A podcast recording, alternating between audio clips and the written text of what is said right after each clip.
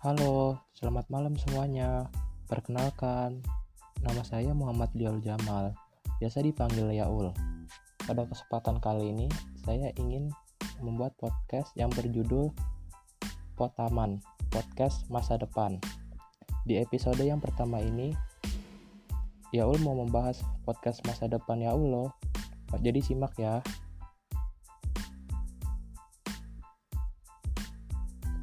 Cerita berawal saat aku duduk di bangku SMA. Aku punya impian yang cukup tinggi dan bisa dibilang kekanak-kanakan. Iya, berkuliah di luar negeri kataku.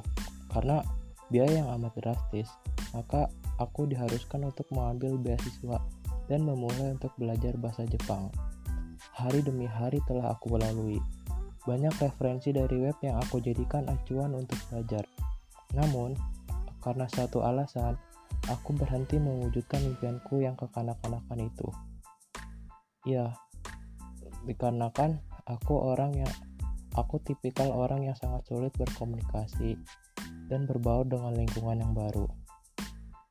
Ditambah lagi, aku orang yang sangat pemalu dan sangat sulit bergaul dengan teman sebayakku.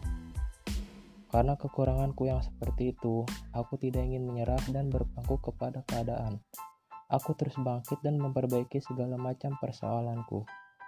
Kadang, caraku untuk berkomunikasi dengan yang lain bisa dibilang aneh dan kurang dimengerti oleh lawan bicaraku.